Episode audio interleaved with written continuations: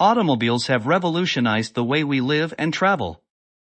These vehicles have given us the freedom to move from one place to another quickly, efficiently, and comfortably. From early gasoline-powered cars to modern electric vehicles, the automobile industry has seen incredible advancements over the past century.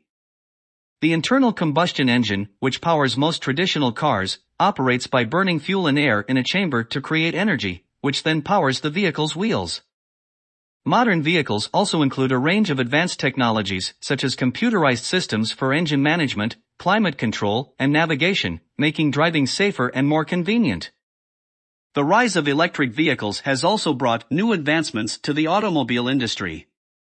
These vehicles use electric motors powered by batteries, instead of traditional internal combustion engines, to drive the wheels.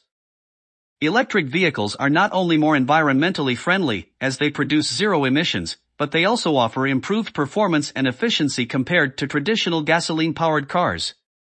The automobile industry also plays a crucial role in the global economy, employing millions of people and generating trillions of dollars in revenue. From design and engineering to manufacturing and sales, the automobile industry touches many different areas of the economy, making it an important driver of economic growth. However, the automobile industry also faces many challenges, including the need to reduce emissions, improve fuel efficiency, and increase safety. Governments around the world are implementing regulations to address these challenges, and automakers are investing heavily in research and development to find new and innovative solutions.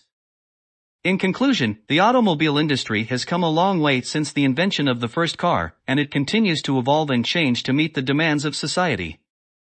From early gasoline-powered cars to modern electric vehicles, automobiles have changed the way we live and travel, and they will likely continue to play an important role in our lives for many years to come. Please visit my website for more information. Automobiles have